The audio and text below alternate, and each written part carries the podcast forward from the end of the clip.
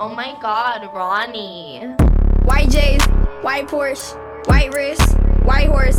Hi bitch, hi bitch, hi bitch, hi bitch. Velkommen til Standard Soundvenues Hip Hop Podcast. I baggrunden hører vi... Hvad, hvordan var det, vi vi enige om sidst med at udtale hendes navn, Karl? Hi, bish. Ja, det er så ikke det, hun hedder. Hun hedder Bad Baby, ikke? Bad baby, ikke bad Barbie, tror jeg, vi fandt frem til. Jeg kan ikke huske, hvad metoden var, men vi er relativt sikre på, det er bad baby. Øh, det er fordi, vi i dag skal snakke om meme-rapper. Mhm. Og hvordan det ligesom for, former internettet, ikke? Ja, lige Og præcis. former rappen i dag også, ikke? Former rappen, altså det, det er jo ikke nogen hemmelighed, at internet og memes er med ligesom til at forme, hvordan hiphop-kulturen hænger sammen, hvordan rapper ser ud og lyder, men der er ligesom sket endnu et skridt på det sidste, hvor vi har set den nye danske hiphop-festival, Hafnia Su, booke artister som Big Shaq og Bad Baby, som vi hører i baggrunden, der ligesom me- mere er memes, end de er rapper, og det er alligevel et relativt stor forandring. Og derfor har vi øh, igen inviteret Astrid Storm ind. Tusind tak, eller hvad man siger. Yes, jeg er her i hvert fald. Det er godt. altså, det er mærkeligt, hvis, hvis, hvis du ikke øh, du var her, vi ikke havde inviteret. Underligt. Ja. Du er Sorry. blandt andet booker for, for Rust, og så er du A&R hos uh, Universal. Og du er helt nede i materien på meme-rap og hvad der sker på internettet, er du ikke det? Altså, det bliver jo lidt nødt til at være. Du har fuldkommen firkantede øjne. Du sidder foran computeren hele dagen. Ja, det, det er ikke engang langt fra. Det er bare øh, at øh, sluge indhold og content fra jeg står op til at øh, gå i seng. Det er det, det hedder content. Content, Det hedder allerede content. der, Ja. dagens første buzzword. Ja. Hvordan laver man rap-content med memes? Følg med i dag. Ja. Øhm, husk at gå ind og abonnere på øh, Soundvenues Hip Hop Podcast, hvor du hører podcast. Det kan sådan være i gængse podcast-app, som du har på din telefon. Altså både iPhone og Android har en podcast-app. Der kan du finde os. Du kan også finde os i, øh, i andre podcast-apps, som Stitcher eller Pocketcast. Øhm, vi er desværre ikke på, på SoundCloud mere. Øh, vi havde nogle problemer med rettigheder, ikke? Det er altså helt forfærdeligt. Vi har brugt så lang tid på at, at, at opbygge sådan et brand i SoundCloud-miljøet, og nu, nu er vi simpelthen blevet slettet fra Ej, vi er SoundCloud. ikke engang SoundCloud-podcast mere. Nej, Ej. ikke engang det. Ikke engang det. Men faktisk rigtig mange har skrevet til os og spurgt, hvor, hvordan skal jeg høre podcasten? Den er ikke på SoundCloud længere. Jeg kan ikke gøre det med min Android. Det kan du godt. Den har en podcast. Og der har vi fundet løsningen. Der kommer du bare ind til, til, til Soundvenues studier, og så kan du se det live, øh, hvis du har Android. Bare kom forbi hver anden tirsdag. Men øh, før at vi øh, kommer videre til vores tema i dag om meme rap, skal vi lige forbi en hip-hop date. Hi bitch. I don't know it, man. I, I hate this. Hi bitch. Play if you want, but you know I ain't playing like white J's, white Porsche. Altså meget i god forlængelse til den her snakke om meme-rapper, så øh, er der kommet det frem, at du på baggrund af din personlighed kan finde musiksmag eller personlighed. Hvad, hvad er det for noget? Jamen, øh, der, der har været den her undersøgelse, der ligesom viser, at afhængigt af, hvilken musik du hører, så kan det ligesom vise dig, hvilken slags personlighedstype du er. For eksempel, Okay. hvis du kan lide Gucci Mane, så er du... Jeg kan godt lide Gucci Mane. Jamen, du er også ekstremt udadvendt, og det var ligesom det, de fandt frem til. Okay. Så jeg tror, hermed har vi allerede bevist, at, at undersøgelsen 100% øh, holder vand. Jeg ved ikke, hvem, hvordan man er, hvis man kan lide Bad Baby. Måske har man bare sådan en akut personlighedsdefekt. Altså, jeg, jeg, jeg læste den her øh, artikel i Soundvenue, og kommer til at tænke på, øh, hvis man har fulgt med i, hvad der sker rundt i verden lige nu, øh, med at Facebook er kommet til at give en masse data væk til et firma, der hedder Cambridge Analytica, og det er blevet brugt til ligesom at øh, fuck valg op i hele verden. En af de sjove ting, der var i den, øh, en af de artikler, der har været om det, var, at på baggrund af 70 likes kunne man forudsige folks personlighed ret godt, og på baggrund af 100 kunne det være rigtig meget. En af de sjove ting, der så var, det var, at på baggrund af et like, kunne man så finde forskellige personlighedstræk også. Okay. En af dem, der var ret stærk, det var, at hvis du har liket Wu-Tang Clan, hvad er man så? Åh, oh, det er et godt spørgsmål. Som en hvid mand. Okay. det var en af de ting, der var fremme, og det synes jeg var, var lidt sjovt. Okay. Okay, Mads, nu snakkede du lige lidt, uh, lidt tech, lidt tech-viden, du Tech, fyrede tech, op tech, på tech, der. tech. Altså, jeg vil sige, du er jo i princippet også lidt sådan en ekspert i dag. Du har jo din, en anden podcast, der hedder 56K, Ja. som beskæftiger sig med sådan nogle der Internettet. ting på internettet. Velkommen til 56K, podcasten om internettet. Take over. Lige. Men jeg, så jeg regner også bare med ekstra, ekstra, ekstra, ekstra guldkorn for dig i dag. ja. S- Altså lidt sådan, at jeg ikke normalt er guldkorn, eller hvad? Åh, oh, det ved du, jeg ikke ved. Jeg ved ikke, øh, hvad for et like, man skulle finde på din Facebook for at forudsige det her. Men Karl, du er jo ekstremt stor fan af XXX Sensation. Yes. Ikke? XXX Tentation. XXX Tentation. Boom. øhm, Musikken, ikke manden. Skal vi sige det sådan? Så vi, vi har jo vores... Altså, han er jo en, en meget... Diskussion, vi har haft nogle gange, det her. Vi har haft en diskussion. Han har, han har nogle anklager mod sig, noget vold. Han er blevet anklaget for mod sin dengang gravide kæreste, som altså anklagen, at det ikke bare er et slag, eller det er altså virkelig grov, grov, grov, grov vold. Ja. Øhm, men det har ligesom ikke stoppet hans musikkarriere. Det har måske endda givet ham ekstra meget opmærksomhed. Det har ligesom været forbudt at høre XXX Tentation, og ligesom siden vi mødtes sidst, er, er, er verden gået XXX Tentation amok faktisk en lille smule. Og du har anmeldt albumet også, ikke? Jeg har anmeldt albumet, altså jeg synes virkelig, at han, ud af det, som man på et tidspunkt ligesom kaldte SoundCloud-rap, som nu er en masse forskellige ting, der synes jeg klart, at han er en af de mest spændende. Han er nok den største stjerne, der laver mest forskellige artet og mest unik musik. Jeg gav det fem stjerner hos Soundvenue. Ja. Læs det. Soundvenue.com. Men du siger, albumet er også lidt, lidt, lidt weird, eller? Det er sindssygt weird. Altså, det, han slog igennem med Look At Me, som var meget punket, meget rå, ligesom helt, øh, ja, sådan det man måske til at starte med mest tænkte på som SoundCloud-rap. Kom så med et album sidste år, som var meget akustisk, mange ballader, og på det her nye album, der har han begge de to ting, men også altså pop-punk-ting, altså Ja. noget som Blink-182-agtigt. Um, han har en sang, som lyder som Despacito, men med spanske gæstefolk. Altså, Okay, det... hvad er det for et nummer? Nummeret hedder I don't even speak Spanish, lol. Okay, ja, perfekt. ja. Selvfølgelig gør det det. Altså, det er, at det er et fuldstændig sindssygt album, som er sådan svært at placere, men også bare har ramt en nerve, og er nu også gået nummer et i, uh, i USA på albumhitlisten. Altså, øh, jeg, jeg har jo jeg har det meget mærkeligt med, med, med ham. Men det, det, det, det er jo på den måde fair nok at omtale, hvad der sker om, altså, Ja, på det er, jo, trods af alt det her, eller hvad? det er lidt det, som er diskussionen. Skal man ligesom lade være med at dække ham, fordi han har den her, den, de her his, uh, historier om vold omkring sig, eller ej. Skal han tise ihjel? Ja, præcis. Og det sjove er, eller jeg ved ikke, hvor sjovt det er, men musikmedierne i USA har ligesom prøvet at tige ham ihjel. Han bliver ja. ikke anmeldt, han bliver ikke dækket, og nu er han ligesom bare alligevel gået nummer et. Han er alligevel bare blevet større. Så du har den her mærkelige situation, hvor en rapper ikke bliver dækket nogen steder, men han er alligevel den største, altså nok i virkeligheden for kulturen, den vigtigste nye rapper, vi har set i flere år måske. Ja, så lad os lige prøve at høre et lille klip fra hans øh, seneste album her. Et nummer, der hedder Sad Udopstein. Yes.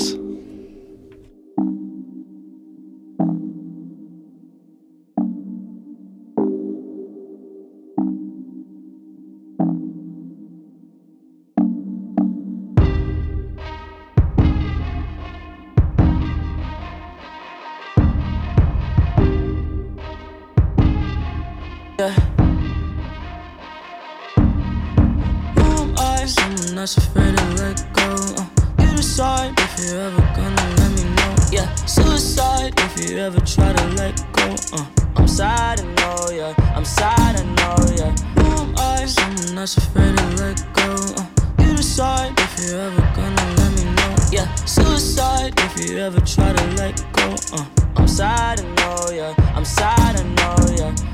I gave her everything. She took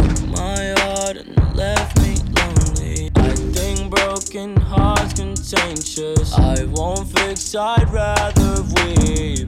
I'm lost and I'm found, but it's torture being in love. Det er så en af dine yndlingsrapper, det her. Jup. En af mine yndlingsrapper Uh. er Kanye West. Ah. Øhm, og øh, der er jo den her fantastiske historie med, da han lavede My Dark Beautiful Twisted Fantasy. Sagde det rigtigt der? Dark... Jeg glemmer altid Ja, et ord, når jeg ser den titel, Ja. så jamen, jeg tror, jeg, Jeg tror, det er rigtigt. Øhm, det var, det lavede han ligesom med altså, en tusind musikere i et hus på Hawaii. Ja. Og hvordan kan man lave opfølger, hvad er det, tre, tre, to album senere, ikke? Hvordan kan man lave et album, der er lige så vildt? Det gør man så ikke i et hus på Hawaii, men op i skyerne på en bjergtop i, var det Wyoming, var det ikke det? Wyoming, ja.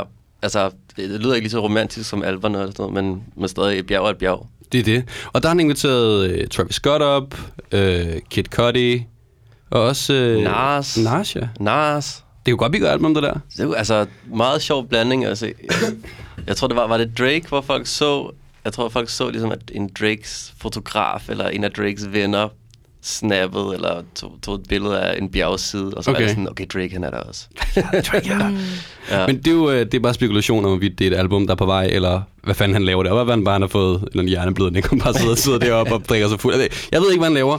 Til gengæld et album, der er blevet annonceret. Mhm. Det er Cardi B. Cardi B. Ja, vi har, har vi optog Cardi B-podcasten? Jeg kan godt lide Cardi B. Ja, kan også udmærke det her. Og det der, det er meget tilbageholdende. Sådan. Jeg kan også godt udmærket lidt lige hende. Ja, det var en medium, medium, uh, medium endorsement. Ja, det er basically, jeg, jeg tror, jeg er rimelig sådan, øh, lunken. Jeg synes, på en eller anden måde, så fremprovokerer hun i mig, at jeg synes hele tiden, hun skal bevise sig selv med endnu et track. Og så vurderer jeg fra gang til gang, hvor meget jeg, jeg, jeg fucker med det, hun laver. Ja, altså hun... Shots fired. Ja. Åh, oh, den gik lige i ørene, den der. Ja, det gjorde den. der røg trummen Slask. Hvad hedder det? Jamen, jeg, jeg er faktisk lidt enig, fordi hun, hun har haft rigtig mange stærke sange. Stærke, eller ikke rigtig mange, en håndfuld stærke sange. Nogle rigtig stærke gæsteoptrædener, men det bliver spændende at se ligesom et helt album, om hun kan bære det. Så det er ligesom også i forhold til, at vi, vi skal se hende på Roskilde. Se, om hun kan lave det her store album, der ligesom tager hende jorden rundt. Det kan godt være. En anden øh, stor kvindelig rapper, i hvert fald her i Skandinavien, det er jo Silvana Imam, som du interviewede her forleden. Jeg interviewede hende. Det var, ja, Hvordan er hun? Jamen, hun er sød. Hun, altså, hun, hun virkede rigtig flink. Sådan øh, ret, og hun var ret træt, men hun var sådan ret velovervejet. Jeg er lidt irriteret over, at jeg ikke var med der. Ja, jamen, øh, altså, hun giver jo, altså, hun giver bare ikke nogen fucks. Altså, jeg, jeg, jeg sad og ventede på, at det blev min tur til at interviewe hende, hvor hun lavede et interview med dansk tv, hvor intervieweren blev ved med at spørge hende på dansk. Ligesom fordi han tænkte, ja, du er fra Sverige, jeg Og det er fra også Danmark. irriterende. Ja, og hun svarede bare hver gang sådan, ja, det forstår jeg ikke. Så sidst måtte instruktøren bag den film, som hun er ude at promovere nu, som er en rigtig fed film om, om hendes liv, Ja. komme og oversætte ligesom fra Nej. dansk til svensk. Nej. Og jeg var sådan, kan en eller anden ikke bare begynde at snakke engelsk? Men hvad hedder det? Det hun er ude at promovere, det du snakker om, det er også det, som jeg tænker. Nu mødte jeg hende ikke, men det kan være, at jeg kan lære lidt bedre at kende her. Fordi den 4. april kommer der en dokumentar om hende, øh, som hedder øh, Silvana. Silvana. som handler om ligesom hendes øh, første to-tre år i musikbranchen og hendes, øh, hendes øh, kærlighedsforhold med en anden svensk øh, ti- artist også. Ja. Jeg glæder mig faktisk til at se. Hvad synes fandme, hun er sej? ja. Jeg vil bare lige hurtigt indskyde, at altså, den, den, den trofaste standardlytter ved jo, at altså, jeg har selvfølgelig interviewet hende på svensk. Det gjorde du. ja, ja. Stabilt. Er der nogle optagelser af det her? Jeg har det faktisk. Det Må jeg lige høre øh, dig, uden at spørge sådan, øh, hvad handlede din sidste plade om, Silvana Imam, på svensk? Åh, men tænk hvis jeg svenske lytter. Øh, Hej Silvana Imam. Vad handlade din förra skiva om? Tycker du om Lorenz? Det der! Fandme godt, det der! Jeg er så glad. Jeg er bedre, når jeg lige har tid til lige at kon- koncentrere mig. Jeg elsker det der. ja, min drøm er faktisk at få lov til at interviewe en tysk rapper på tysk. Det, kom, det kan vi sagtens få til at ske. Roskilde, Ja. deres warm-up-program er ude. Mhm. Det er 27 nye navne til uh, Rising-scenen og Countdown-scenen. Er der noget specielt der, som en af jer har optog? Har I tjekket det? Jeg har tjekket det. Ja, Altså, jeg synes, det er fedt, at Artie Artie skal spille. det synes jeg også. Mm. Um, for, men Artie Artie, der er sådan... Han er på en måde en god bro mellem sådan noget klassisk, lyrisk hiphop, som Roskilde forstår, uh, ja. til noget ligesom lidt mere moderne attitude, s- ja, hvad skal man sige, stilet hiphop. Jeg synes ellers, at Roskilde, det er et ret old school program. Det er Ja. altså et meget hvidt program i op- opgangsdagene. Ja. Altså de sidste år har der ligesom været um, Jamaica, eller... Kevin Gates. Ja, altså men nu snakker vi jo opvarmningsdagen. Det var også opvarmningsdagen, homie. Kevin Gates, Kevin Gates spillede i warm-up-dagene. Gjorde han ikke det? Han, Det spillede, han spillede ude på ja, pladsen. han spillede på opvarmningsscenen, ja. Ah. ja, ja. Det var dengang, hvor opvarmningsscenen også var ligesom den samme scene i musikdagene. Yes, yes. Prøv, hvis... Det er svært at sidde inden for mediebyen. Hæftigt. Ja. Andre navne, som jeg synes, jeg er lidt optog, øh, bare hurtigt igennem. Øh, der er en rapgruppe, der hedder Sigma. Det er ligesom mange danske rappers yndlingsrapper på, på, på, en eller anden måde. Det glæder mig faktisk lidt til. Og så er der øh, øh, Logadef. Øh, Grunden til, at jeg glæder mig til Logadef, det er, at han er ved at lave en ny gruppe med øh, Lux, der var med i Benal i starten. En, der hedder Emil W. Vi havde hen og snakke om satire-rap. Skud til AA. Og så, øh, og så øh, Adam, der øh, producerer rigtig meget dansk rap. Øhm, Adam Sampler. Derudover den sidste navn, så øh, en, som jeg ikke kendte, før jeg faktisk så programmet og lyttede op på det. En, der hedder en svensk øh, sangerinde, der hedder øh, Miriam Bryant, som faktisk lyder, lyder ret svedigt. Øh, så det vil jeg helt sikkert anbefale at lytte til i opvarmningsdagene. Helt klart. Altså, er det ikke lige nu, Astrid, du lige brokker dig lidt over, at, øh, at alle de her... Dine, dine homies, Baby Bino og Lille Bitte Bok, er bare fraværende på Ja, hvor, programmet. hvor er det unge, hvor er det, hvor er det vilde? Altså, skal vi have mange lyrical, spiritual, miracle rappers? Lyrical, spiritual, ja, det er så Ja. nice. Nej. Altså, altså, jeg forstår 100% hvad du mener, når du spørger, om, om der er noget, jeg glæder mig til i opvarmningsdagene. Så, Og svaret er nej. altså, jeg kommer til at lyde så mega øh, stram i betrækket lige Ja. nu. Bare, øh, Det skal du gøre. ja, der, der er faktisk ikke noget, der sådan virkelig... Øh, det skal jeg bare se. Øh, øh, tak for det. Du tog revolverne med i dag. Men så igen, jeg har heller ikke dykket ned i programmet endnu. Så det kan være, der duk, øh, dukker en eller anden skjult perle op, som de har booket. Det kan meget vel være. Derudover, Karl, du var til koncert forleden. Jeg var til koncert forleden. Hvem var du til koncert med? Casey. Faktisk vil jeg lige hurtigt uh, nævne, apropos Casey, så Astrid i dag joiner jo en meget eksklusiv klub. Det er rigtigt, ja. Du er den eneste ud over Casey, der har været her to gange. Ja. Okay. Ja, ja, ja. Halli, hallo. Det er der noget at gå på... Husvennerne. Ja, på på det der. Det var, I skal møde hinanden en dag, og så I snakker om, meget godt kan lide os. Det er i hvert fald en podcast, jeg vil lytte til. Nej, men jeg vil egentlig... Casey spille ud så store vægger, og sådan, du ved ikke, jeg føler, at Casey ligesom er en af de rapper i Danmark, der tager live-delen af sit show alvorligt. Ja. Der er fucking god til det, mm. der er entertainer. Og jeg, jeg følte bare, jeg nødt til at hurtigt nævne, hvor overdrevet fedt det var, at vi fik noget ret specielt at se, nemlig en kæmpe moshpit. Mm. Det er ikke så specielt i sig selv. Nej. Og så Casey, der stage diver. Men det skete samtidigt. Det er ret voldsomt. Det er virkelig helt Ja, sygt. der, der ligger en video af det på nettet der. Det ser så griner det ser ud. nøjeren Det ud. jeg faktisk synes var lidt dårligt, Ja. og her må jeg sige, Casey, altså det er ikke et diss, men hvorfor, tænk hvis han havde lavet stage dive ned i moshpitten, ned Ja, i altså hullet. ned i hullet. Ja. Lavet sådan en uh, Tekashi 6 9 og ikke blevet grebet af nogen lige faceplant. Men det var i hvert fald, øh, det, det var grineren. Det Derudover har han også øh, udgivet en, en ny sang, der hedder Nye Produkter. var- Nye produkter. Og, øh, Jeg, jeg, jeg synes, det er lidt en, en opfølger til, til det mytiske, forsvundne nummer. Uh. Lav, lav som du kun kan finde i. i Standard Podcast. Det var en såkaldt... Oj, oj, oj, oj, oj. Lige præcis, hvor øh, jeg tror, det var Hennedop, der havde det med for gemmerne. Men det, er vist- det blev så leaget, så det er derfor, der er aldrig blevet officielt udgivet. Men nye produkter, føler jeg, er sådan en øh, lidt et opfølger eller remake af den stil. Og det er sammen med Benny James og Mellemfinger.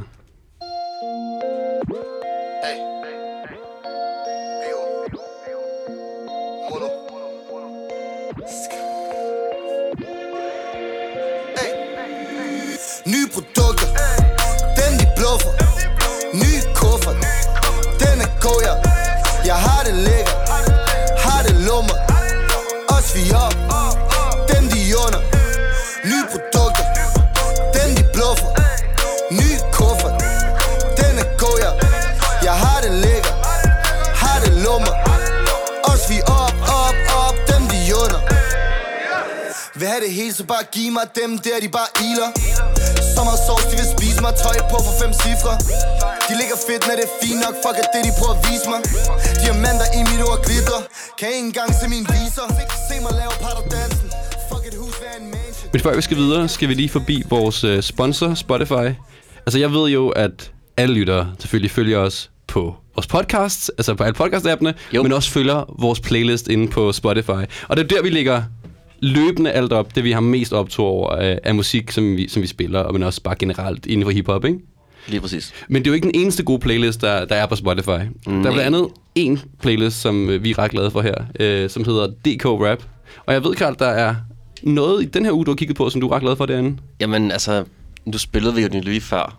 Nye produkter. Nye produkter. Altså, jeg, jeg synes, det er en, er en kæmpe banger. Altså, jeg tror, jeg synes, mange af de bedste ting på, på DK Rap er ligesom, der, det er meget varieret, der er forskellige danske kunstnere. Så nogle gange så rammer du bare den der helt tunge, rigtig gadeagtige banger, som, som den her sang. Altså, jeg, jeg synes også, den nye Mellemfinger musiksang, La Criminal, kan noget nyt. Det er lidt en ny stil fra Mellemfinger. Ja. Lidt mere melodisk, men så kommer der sådan en sang som nye produkter, og så er man ikke i tvivl om, det, det er den vej. Altså, der ligger også et nyt Jamaica-nummer derinde, ikke? Ja, der, der findes også endda et, et nummer med Jamaica og Unge Cæsar derinde, hvor Jamaica rapper over telefonen ind i sangen. Du elsker sådan noget telefonrap lidt, ikke? Telefonrap, jeg, jeg føler, det er fremtiden. Ja. Jamen, på telefoner er også fremtiden, jo. Jamen, 100 procent. Men øh, hvis øh, I gerne vil tjekke op for det gode musik, der findes ligesom lige nu, så gå ind på Spotify og tjek playlisten ud, DK Rap eller vores. Der kan du lytte til al musik, som vi elsker, og som du også elsker, ganske gratis. Yo. Big Shaq, the one and only. Man's not hot. Never hot. Skra. Skitty cat cat. Boom. Two plus two is four. Minus one, that's three. Quick maths. Every day, man's on the block, smoke trees. See your girl in the park, that girl was a uckers. When the thing went quack, quack, quack, you man were ducking. Hold tight, Asni, my brother, he's got a pumpy, big thing. Hold tight, my man, my guy, he's got a frisbee. I trap, trap, trap on the phone, moving that cornflakes, Rice Krispies. Hold tight, my girl Whitney, on, on, on, on the road doing 10 toes. Lamatos.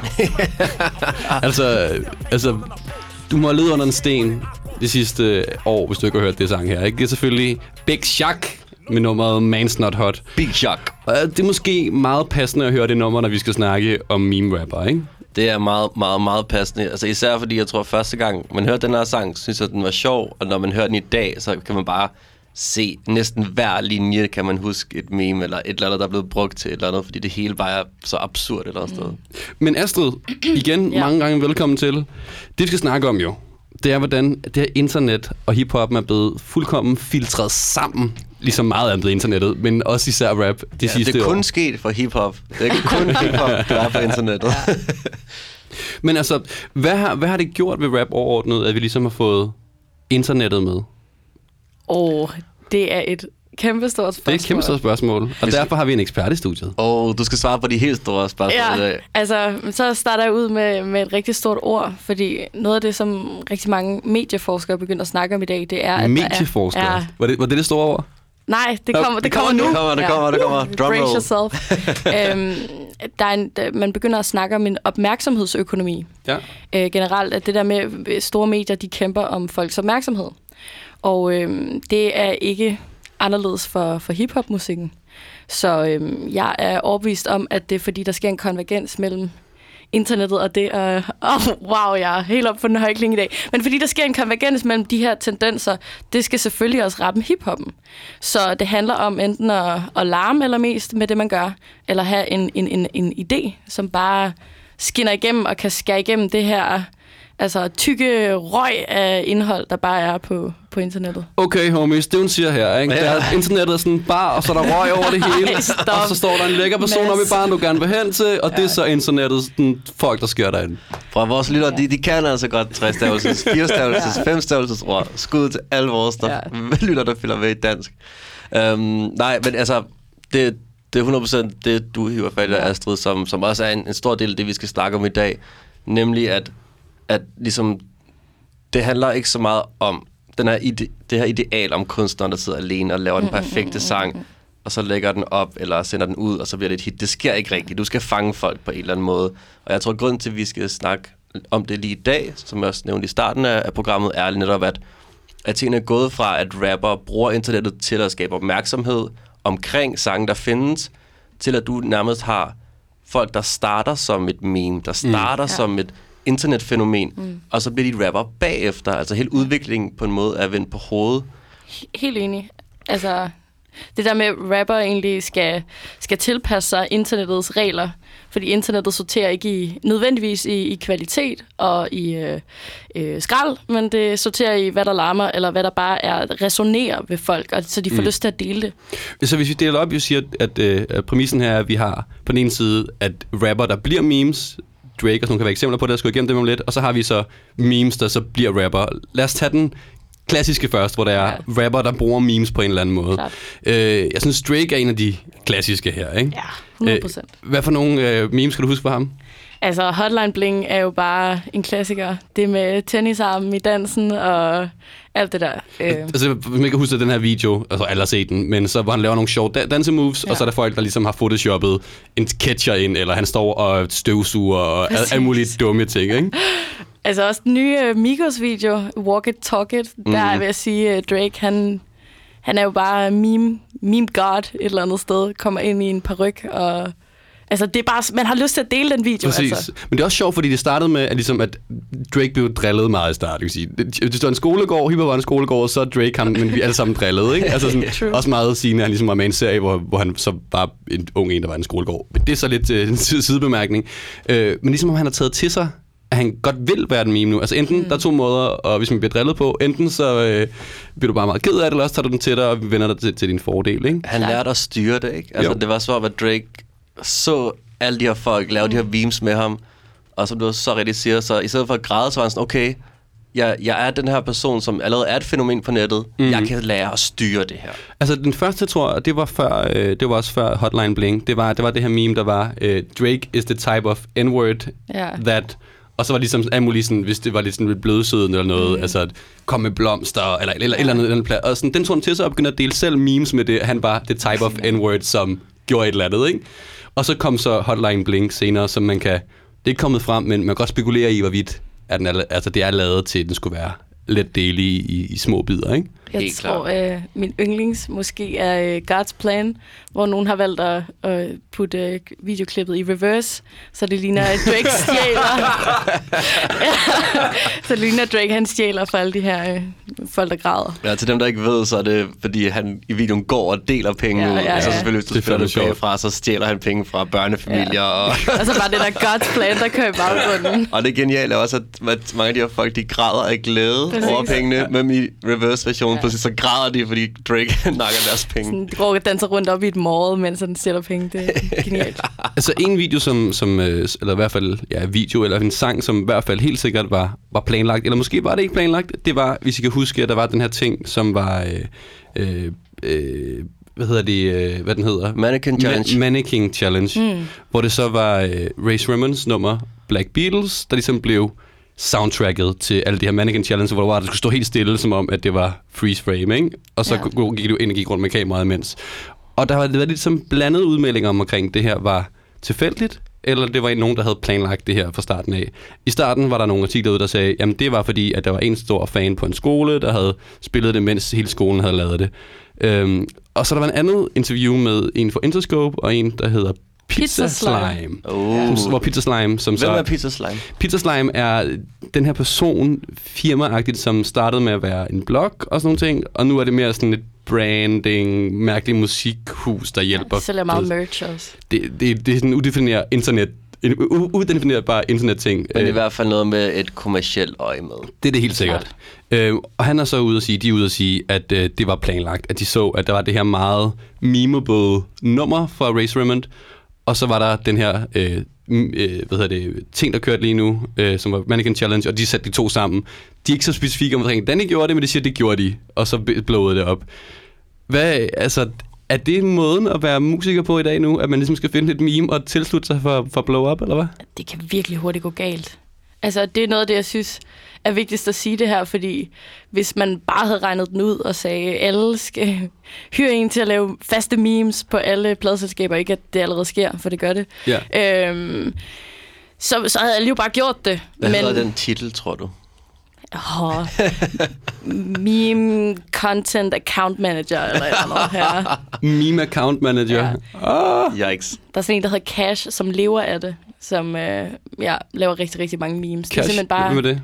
Det er en af de, der... Altså, der findes Pizza Slime, og så den anden sådan store, der har gået frem og sagt, jeg, jeg lever af at lave memes. Det er en, der hedder Cash, hvor at S'et ikke er et S, men det er et femtal. Ja. Ikke et dollartegn. Nej, men cash. Ja. Okay. Øh, apropos cash, ja. så er der jo ligesom den anden del, vi snakkede om, der var, mm. som så dem, der var memes først. Og hvis jeg siger cash me outside, så må jeg nok tænke på Bad Barbie.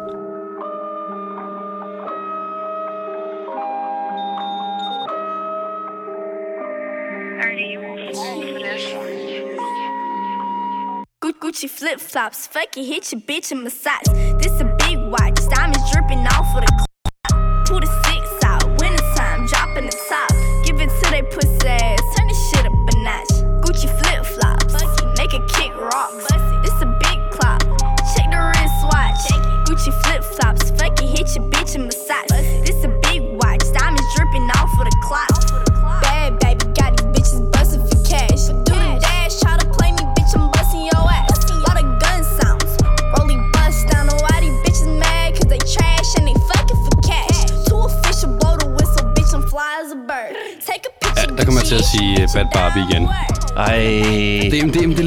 ikke, altså, jeg læste første gang, så var jeg sikker på, at det, at det var Bad Barbie. Men det, det er Bad Baby.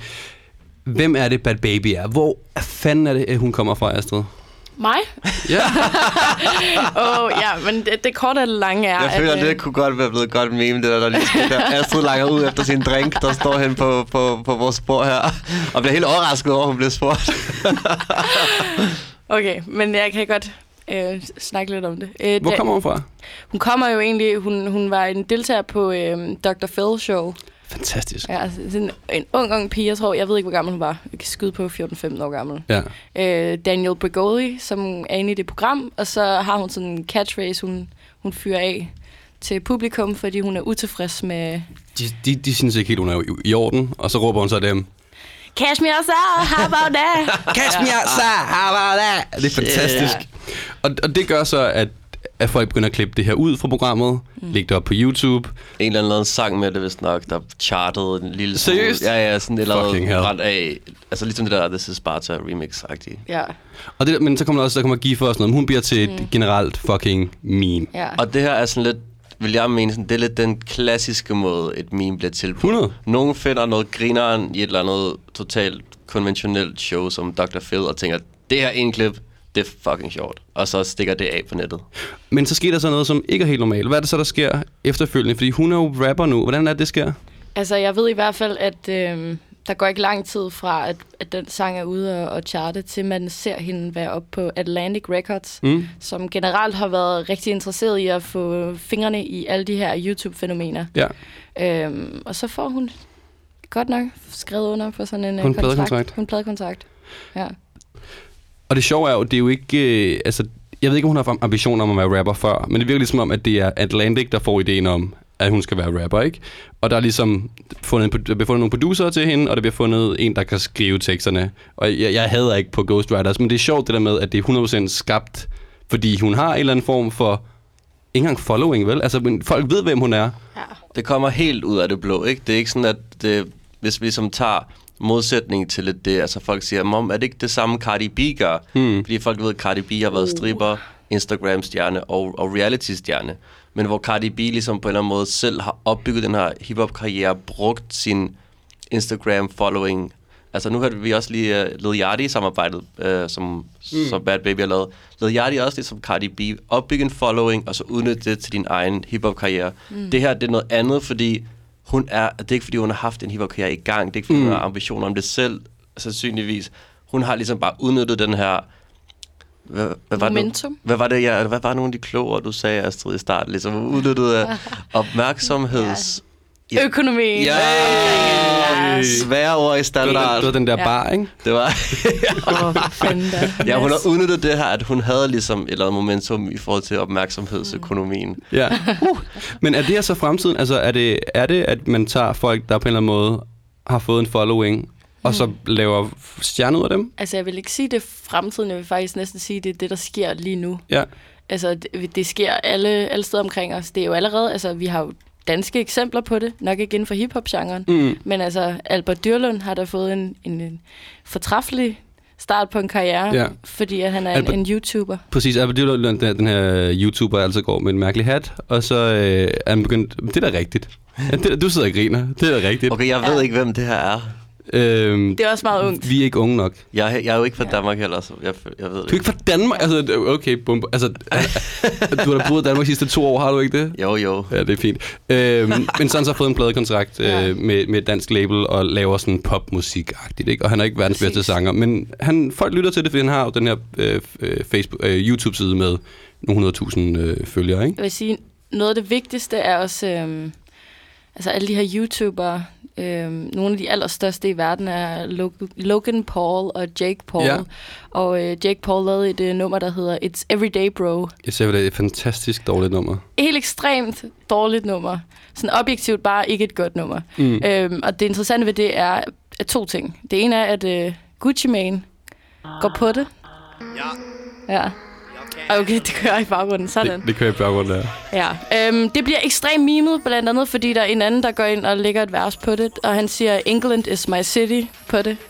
Hvilket i sig selv er et ekstremt... et ekstremt åndssvag sætning.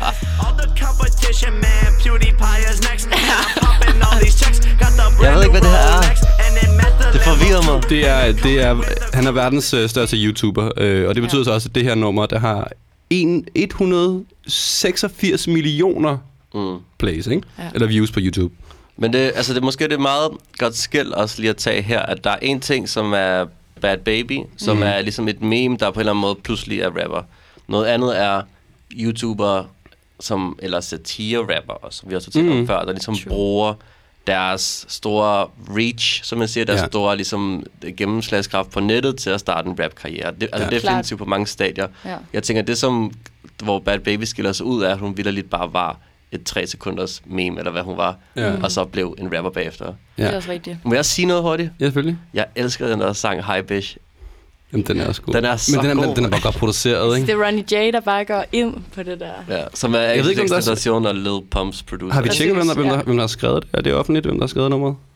Jeg ved det ikke. Jeg ved ikke. Må vi, det havde en ordentlig vært jo læst op på, men det har jeg ikke. Men jeg synes også, det er ret interessant på det der remix, at sådan, altså, valide, blåstemplede rapper vælger at gå ind på det. Altså, Rich the Kid og Bad Baby, hvem havde, who'd have figured, altså, det er fandme sindssygt, at, øh, at, at, at det bare ryger i samme bås lige pludselig. Altså, Jamen, så, altså, jeg tror, at place er place, når det kommer derop, ikke? Altså, ja, Men det er jo det, så spørgsmålet. og det interessante er altså også lige for at runde Bad, Bad Baby af. Og nu er jeg også begyndt at se Bad Barbie i mit hoved jamen, det er irriterende, ikke? Fanden. Det lyder bare bedre. Ja, men nu er hun ligesom også... Altså grunden til, at vi også taler om det i dag, er, at den, den her ting er blevet så stor nu, at hun spiller simpelthen haft næste uge, og nu på en verdensturné, og hun kommer til Danmark. Ja. Og det er også, det er også der, hvor vi ligesom tænker, okay, der sker noget vildt, vi bliver nødt til at snakke om det her, når, mm. når den nye Danske Hip Festival siger, her, der er vores store hovednavn. Og jeg var, "Dude, det er et meme, hvad? Ja. hvad sker der? Men... Skrap. Vi skal lige omkring øh, Big Shaq også. Ja, vi bliver nødt til at Big snakke Shaq. Big Shaq. Fordi Big Shaq er jo lidt en anden ting, som du også, også nævnte der, fordi han, mm. han er jo ikke rapper overhovedet så. Altså han, han rapper, men han er jo ikke rapper. Mm-mm. Han er komiker, ikke? Han er komiker, mm. øhm, og de har lavet et YouTube-show i, i en del år faktisk. Og det her det var ligesom den første ting, som fik rigtig medvind og gik viralt.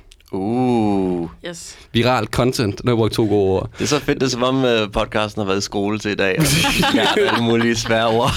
øh, men det var så den her, øh, det her nummer, der kom frem, det ved jeg godt, og så Man's folk, folk ja. begyndte at, begyndte at, at meme det. Øhm, og så lavede han så også en, en video til det bagefter, fordi nu så lige pludselig begyndte alle folk at have det vildt over det nummer her.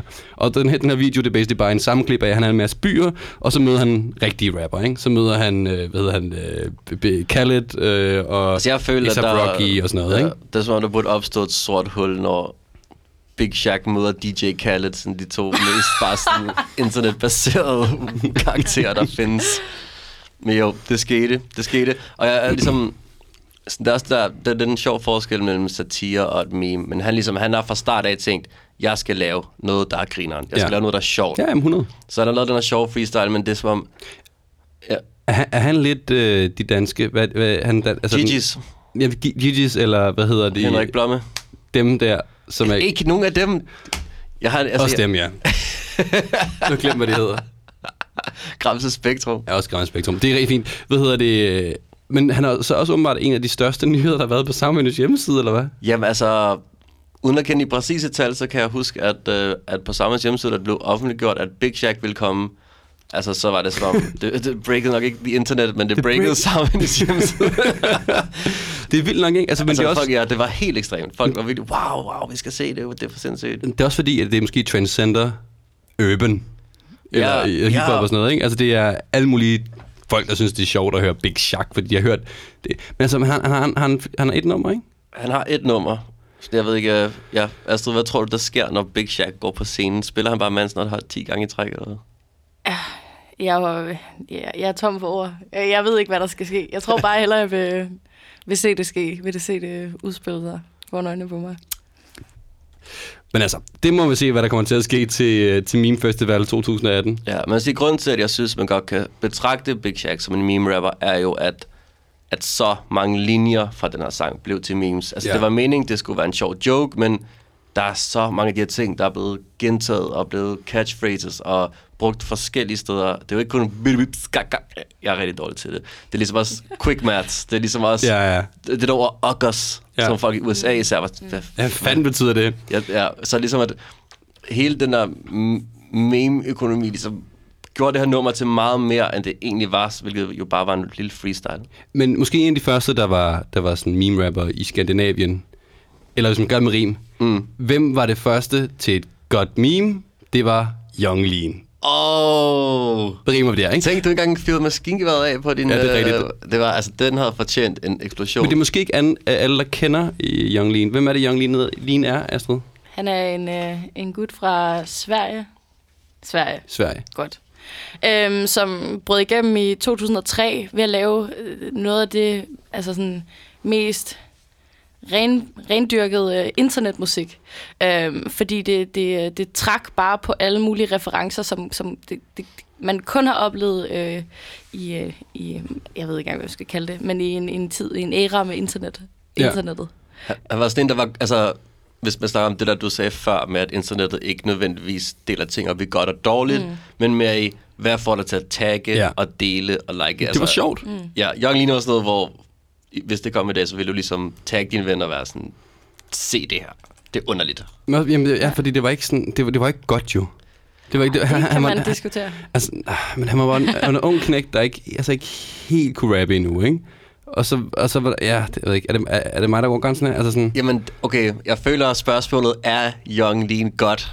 Det er en hel podcast. Det er måske faktisk virkelig en helt det er lidt andet, podcast men, men, men, men ja. det er jo også det der nogle gange, altså hvis man får succes, eller i hvert fald får omtale med et eller andet, og så lige pludselig begynder at tage det seriøst, kan det rent faktisk blive ret godt. Mm. Altså, øh, det danske eksempel må være Kid jo, fordi at øh, Kysset med Jamel, man kan diskutere, om det var et godt nummer eller ej, men i hvert fald var der mange, der delte det, og det var noget nyt i Danmark. Og så tog han det seriøst derefter, og begyndte at lave numre på det. Altså sådan, det er jo det, der sker, og det er selvfølgelig lidt, Young Lean har gjort det, det samme, hvor det starter lidt som en, det starter lidt som en joke, ikke? Men så tager han det seriøst, og så har han faktisk lavet nogle altså, ret fine numre efterfølgende. Altså, jeg, jeg er helt enig, jeg synes, Kid er på en måde sådan meme-rapper, før de fandtes. Ja. Jeg kan huske, da, da Kid var i fjernsynet og sagde, at det hele var en joke. Kan du huske det dengang? Ja. Var det sammen med Helle Thorning så, eller det, sådan noget? altså, det, altså, ja, det var sindssygt. Legendarisk øjeblik, men tænk, hvis, hvis, hvis der havde været i dag, så havde Kid bare været sådan, prøv at det var bare content, det var bare et meme jo. men hvad, Astrid, hvad, hvad er dit take på, på Young Lean? Sådan, er, ikke, ikke for at spørge det store spørgsmål, er Young Lean mm. godt, men måske at spørge dig, hvad gjorde Young Lean godt? Hvad var det ved ham, der gjorde, okay, lad os, folk fik lyst til at dele det, folk fik lyst til at snakke om det. Altså, jeg tror, et, så udnyttede han en YouTube-platform på et tidspunkt, hvor at det, det, den boomede ekstremt meget. Øhm, og så tror jeg, det, det det der DIY-element, hvor det egentlig var, altså man kunne se, det ikke var filmet godt, og musikken var måske heller ikke altså, velproduceret, men det var et, et helt univers at tabe ind i. Det var ikke bare et track, men det var altså hele det der cloud rap univers og at han var vild med de der Arizona Ice Tea og mm. Oreo milkshake og det tror jeg ikke altså sådan det tror jeg bare kendetegner rigtig mange ting der har succes på internettet er at det ikke bare er one one note men et men et univers man ligesom kan kan lege med på. Og det synes jeg, vi skal prøve at høre på øh, hans track her fra hans plade øh, Stranger, hvor tracket hedder Red Bottom Sky.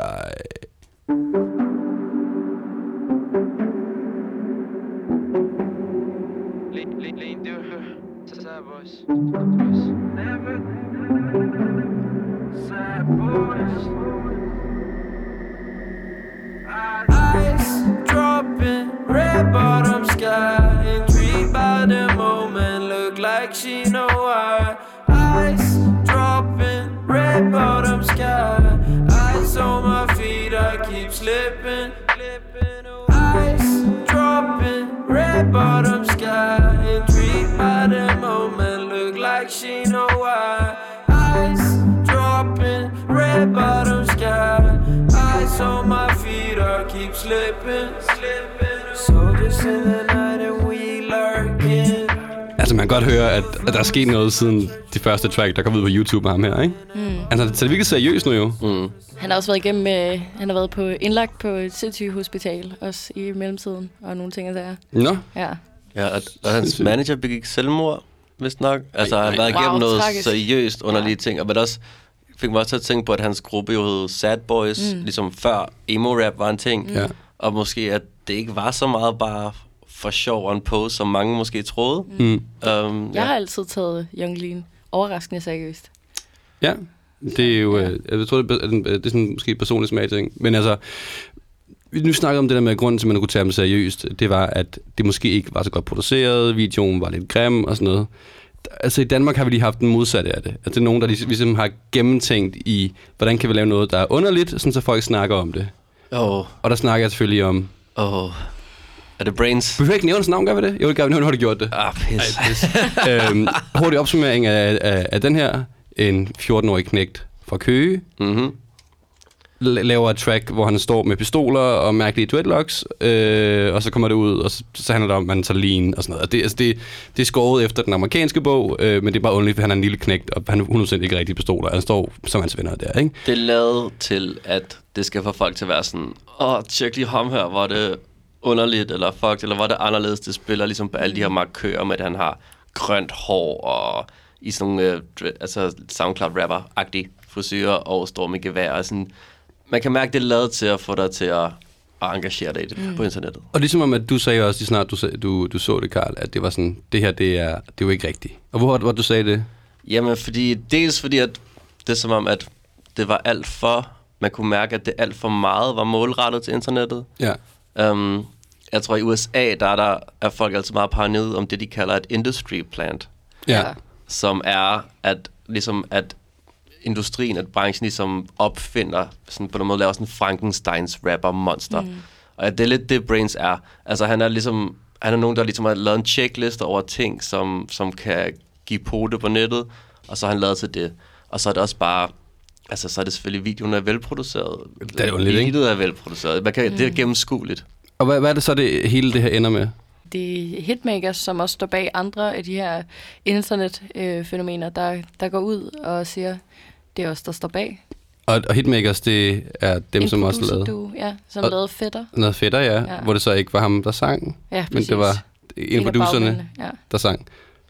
Og Ja, så det er der- underligt, ikke? Det er det, altså, nu hvis vi ligesom tager, ser det i forhold til de rapper, vi snakker om før, så har vi Bad Baby er et meme, der ligesom får en rapperkarriere ud af det. Big Shaq laver satire bevidst, det bliver til memes, og Young Lean har nok et eller andet sted haft, altså, eller har haft artistiske ambitioner fra start af, Ja. og, og ligesom har gennem internettet på den mærkelige måde fået en karriere. Det her er ligesom, det her, der, er- ligesom, der rammer vi noget nyt, hvor man kan mærke, at det er nogle andre aktører, der prøver ligesom at skabe en lignende historie. Men det er jo lidt det samme, altså, altså den eneste forskel på ham og, og Bad Baby, Mm. er jo, at Bad Baby havde et following i forvejen, eller at folk vidste, hvem hun var, fordi hun har været et meme. Og her er det bare sådan, de starter fra nul. Men det er det samme. Det, det er et, øh, et pladselskab, der går ind og prøver at skabe en person og sælge det, ikke? Mm. Men man kan altså sige, at der er en grund til, at de går ud og melder ud, at det er dem selv, der har lavet det. Og det er jo fordi, projektet ikke kan flyve. Fordi der er jo ikke nogen... Der er ikke der var ikke nok, der går ind og lytter til Cookie Dough med Brains, og aktivt opsøger det gang på gang inde på Spotify. Jeg tror måske også, at øh, det, det, den der, jeg tror, og det er nu kun sådan noget øh, brancheting, men det er nok den der med, mm. altså enten skal det være godt og pænt, eller også skal det være ægte, og så må det gerne være grimt.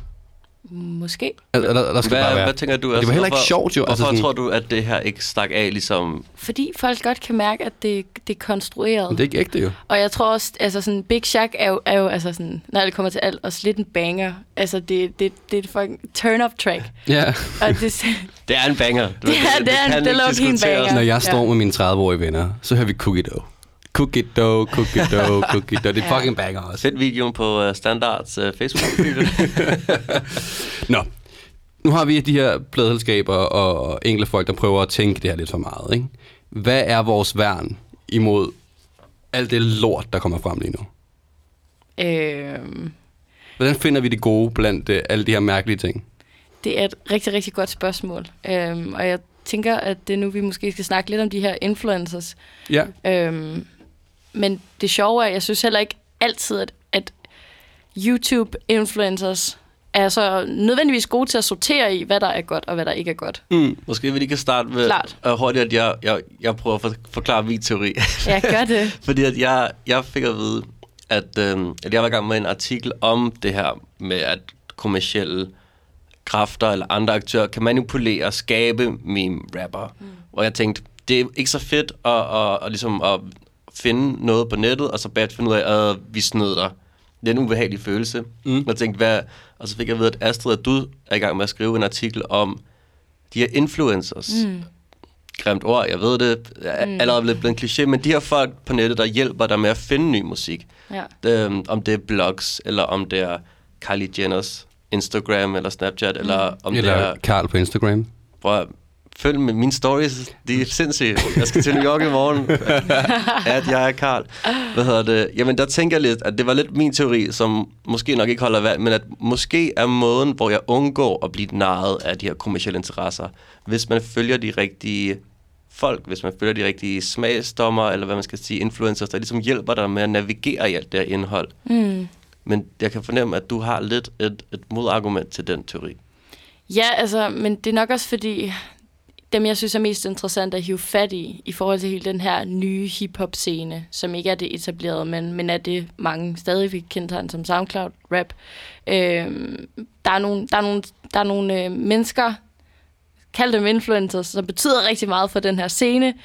Øh, en af dem er Adam22 fra et, øh, en, øh, en podcast, hovedsageligt, der hedder No Jumper, øh, som jeg vil betegne som en, en rigtig vigtig hip-hop-influencer øh, på scenen. Og, øh, og han sorterer ikke nødvendigvis i, hvad der er godt og skidt, men han sorterer i, hvad han kan mærke, øh, kulturen og fans tager til sig. Øh, hvilket også betyder, at han, e, han, han var en af de første til at have et XXX Tentation interview og et Lil Yachty interview blandt andet. Øh, men han, han interviewer også øh, YouTube-fænomener som øh, Bunk Gang og øh, Supreme Patty, hvis nogen kender, kender dem. Ja. Hvad, hvad er det? Jeg kender det ikke. Okay. Well, Boom Gang, det er sådan en uh, total rowdy type, som egentlig fik succes hovedsageligt ved at stjæle ting, uh, at lave sådan nogle små videoer på Instagram, hvor han stjal ting og løb væk og råbte, Boom Gang! Internettet, mand. Ja. World Star. Altså, du ved, flere millioner, og øh, han har selvfølgelig en, en skjult ambition om, at han også gerne vil være rapper, og øh, han kan meget let få konverteret de her følgere til en, en platform til at få startet en rapkarriere. Ja. Altså, noget, der er ret sjovt der, der, har, der er to sjove historier i det. Øh, som hvordan har det for, for, foregået før i tiden? Den oplagte er, at musikerne selv har været influencers, så når Drake bliver stor, så siger han sådan, hey, det weekend er fed, han skal være med Mm, på mine ting, klart. hype ham op. Det er en måde, det har været på. Så den anden, hvis du går endnu længere tilbage, så er en af mig og Carls yndlingsrapper, French Montana, måden han kom frem på, mm. det var, at han lavede DVD'er med andre rapper. Han, han, altså, det, man solgte dengang, for der var ikke noget rigtigt internet så meget, om du lavede DVD'er. Så han lavede DVD'er med andre rapper, og så var han også selv lige på. Ja. Det var sådan, han kom frem. Øhm, og det, der synes jeg er sjovt i dag, det er, at det, det er ikke kun musikerne eller dem, der laver mærke DVD-ting. Det er ligesom random folk på YouTube eller random folk på Instagram, der begynder at være de her folk, der er måske mere tastemakers end de influencers. Ikke? Er, der, er der ikke en forskel der? Altså, der, altså en influencer kan lave mange forskellige ting, men en tastemaker, den der siger, at det her det er den nye gode. Og det er måske dem, vi skal lytte til for at komme udenom alt det mærkelige, som vi, vi bliver forsøgt prakket på af forskellige folk. Ja, det, det kan du have ret i. Altså, der findes mange... Eller, der findes jo nogle tastemaker. Øhm, jeg vil sige, en anden, der på en måde også er blevet en tastemaker, det er jo Cole Bennett, som er en øh, musikvideoinstruktør, Ja. øhm, som har lavet musikvideoer for en masse up-and-coming artister, blandt andet Lil Pump og Femistix og ja, you name it. He- hele den scene. Mm. Øhm, men han er ved, ved at kalde en, en ret vigtig tastemaker, ikke bare en influencer, fordi han kan få lov til at vælge og vrage mellem hvilke nye rapper han vil give den platform, Ja. og han vil give den musikvideo. Ja. Øhm, så jeg vil sige, han er i høj grad en, en tastemaker. Kan du komme med et eksempel på, øh, på et band, som er kommet frem nu på det sådan, mm. for nylig? På, på den her Klart. tastemaker-influencer-agtige måde? Helt sikkert. Øhm, jeg synes, det var ret interessant. Øhm, Juice World, som er sådan et helt nyt navn. Øh, det har floreret på SoundCloud, fået et par millioner plays. Øh, sådan en ung 19-årig gut. Øhm, så vælger øh, Cole Bennett og siger, det er sindssygt fedt, det du laver. Jeg vil rigtig gerne lave dit video. Øhm, og i samme uge, så siger øh, No Jumper, eller Adam 22 for No Jumper, jeg vil gerne lave en, en video med dig. Og så øh, 14 dage efter cirka, så øh, kommer det ud, at øh, Interscope har lavet en 3 millioner dollar deal med Sindssygt. Juice World. Sindssygt. Så der er, sådan nogle, der er nogle sjove dynamikker i, i de ting, der foregår. Øhm, også øh, Adam 22, der øh, bliver kontaktet af A&R's fra labels, fordi de kan mærke, hvor meget han betyder for kulturen. Ja. Ja. Så det kan være, at, øh, at de her influencers øh, og tastemakers er vores redning mod, mod de onde meme-rappere. Altså, jeg vil sige i hvert fald, at... at wow. Smak. Jeg laver den sorte-hvid jo. Ja. Jeg er jo vært. Altså, jeg, jeg skal, jeg skal skabe sig, ikke? Men i sort-hvid format, synes jeg til dels, du har ret. Altså, som, altså, jeg tror også, jeg synes, at Young Lean er, er mega fed. Og jeg synes også, at hiphop ville være mere fattig, hvis han ikke var der. Mm. Men jeg, jeg synes klart, at der, der er noget spændende i, at hvis man vil undgå at være den, der ligesom bliver snørret af et eller andet sammenkogt produkt, så er det en god idé at, at, at finde de her steder, som, som du taler om, Astrid. Mm. Også selvom, at de ikke alle sammen er lige så, så skarpe i at vælge, hvem de dækker, så, så er det klart et spændende sted. Så lad os prøve at gå ud øh, til, at vi lytter her til Juice World øh, på nummeret All Girls Are The Same, og så runde øh, vores diskussion omkring min rapper af med den.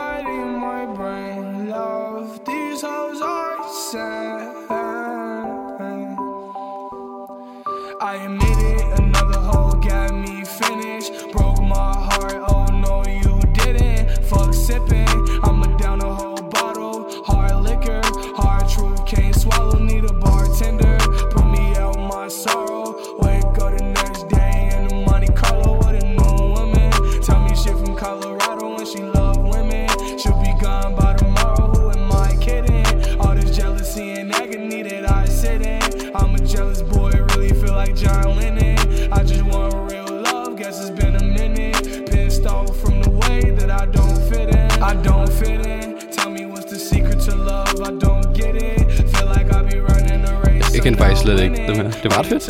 Altså, det er lidt, øh, lidt, lidt Post Malone, ikke? I den måde, stemmen ligger på og sådan noget. Det var, jeg synes, det var dejligt. Det var helt, øh, helt følelsesagtigt.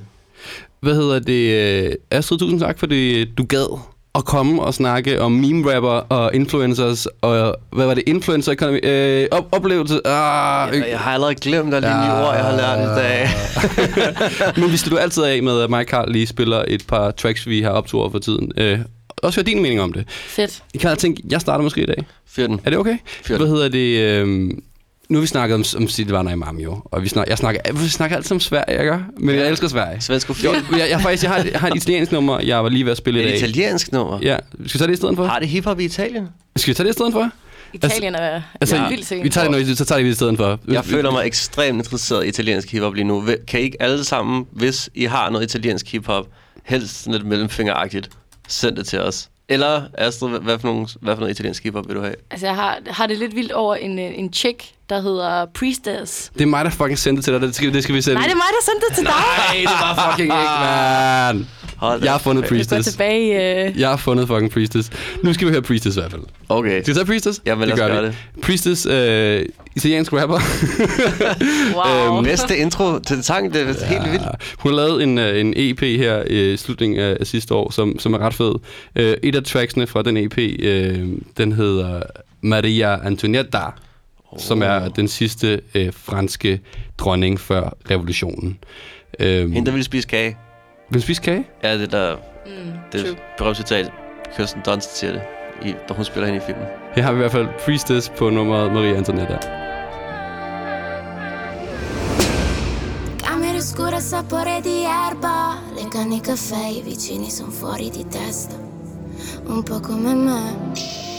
Alzo il volume sotto a ripensieri alla merda, freddi col cuore di spezia. L'ansia le pare cliché, l'ansia le pare cliché.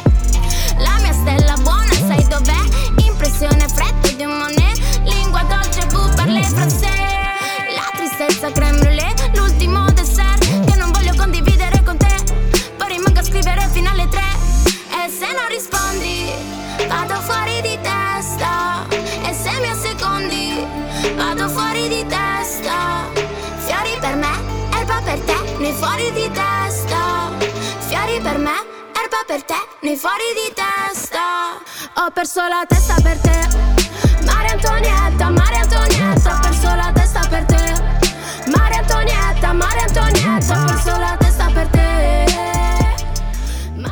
Altså, det kan godt være, at det lyder lidt som, som meget andet produktionsmæssigt og sådan noget, men det er bare altså, sjældent, jeg hører et, italienske rapper, og sådan, hun flower fucking sindssygt, og så... Det er fedt. Ja, det er fedt. Jeg kan godt hun, hun også, altså hendes, øh, hendes øh, øh, hvad hedder det, billedside er også rigtig fed. Og det var måske Astrid, der sendte det til mig. Åh, oh, du gjorde the honorable. Karl, hvad har du, hvad har du taget med i dag? Uh, det er sådan en italiensk rapper, som jeg sendte til Astrid. Nej, jeg har, jeg, jeg har noget med, som kan, jeg ved ikke helt 100% hvad det er, men det er nogen, der hedder Nothing Nowhere. Hmm? En, der hedder Nothing Nowhere, som jeg føler, der har lidt en Lil Peep vibe. Um, uh, det er, Altså, det er sådan den der gode blanding mellem, at det er sådan lidt emo-agtigt, du ved. Jeg er altid i mine Du er så følelser herovre. Men den, er, den nye sang, der hedder Hammer, er bare sådan... Den, jeg føler, den har den perfekte blanding af... At den er lidt mere melodisk i følelsesladet, men det er, jeg føler også bare, at det er sådan en low-key banger. Har faktisk også lidt måske noget post Malone-agtigt, men lad os, lad os bare høre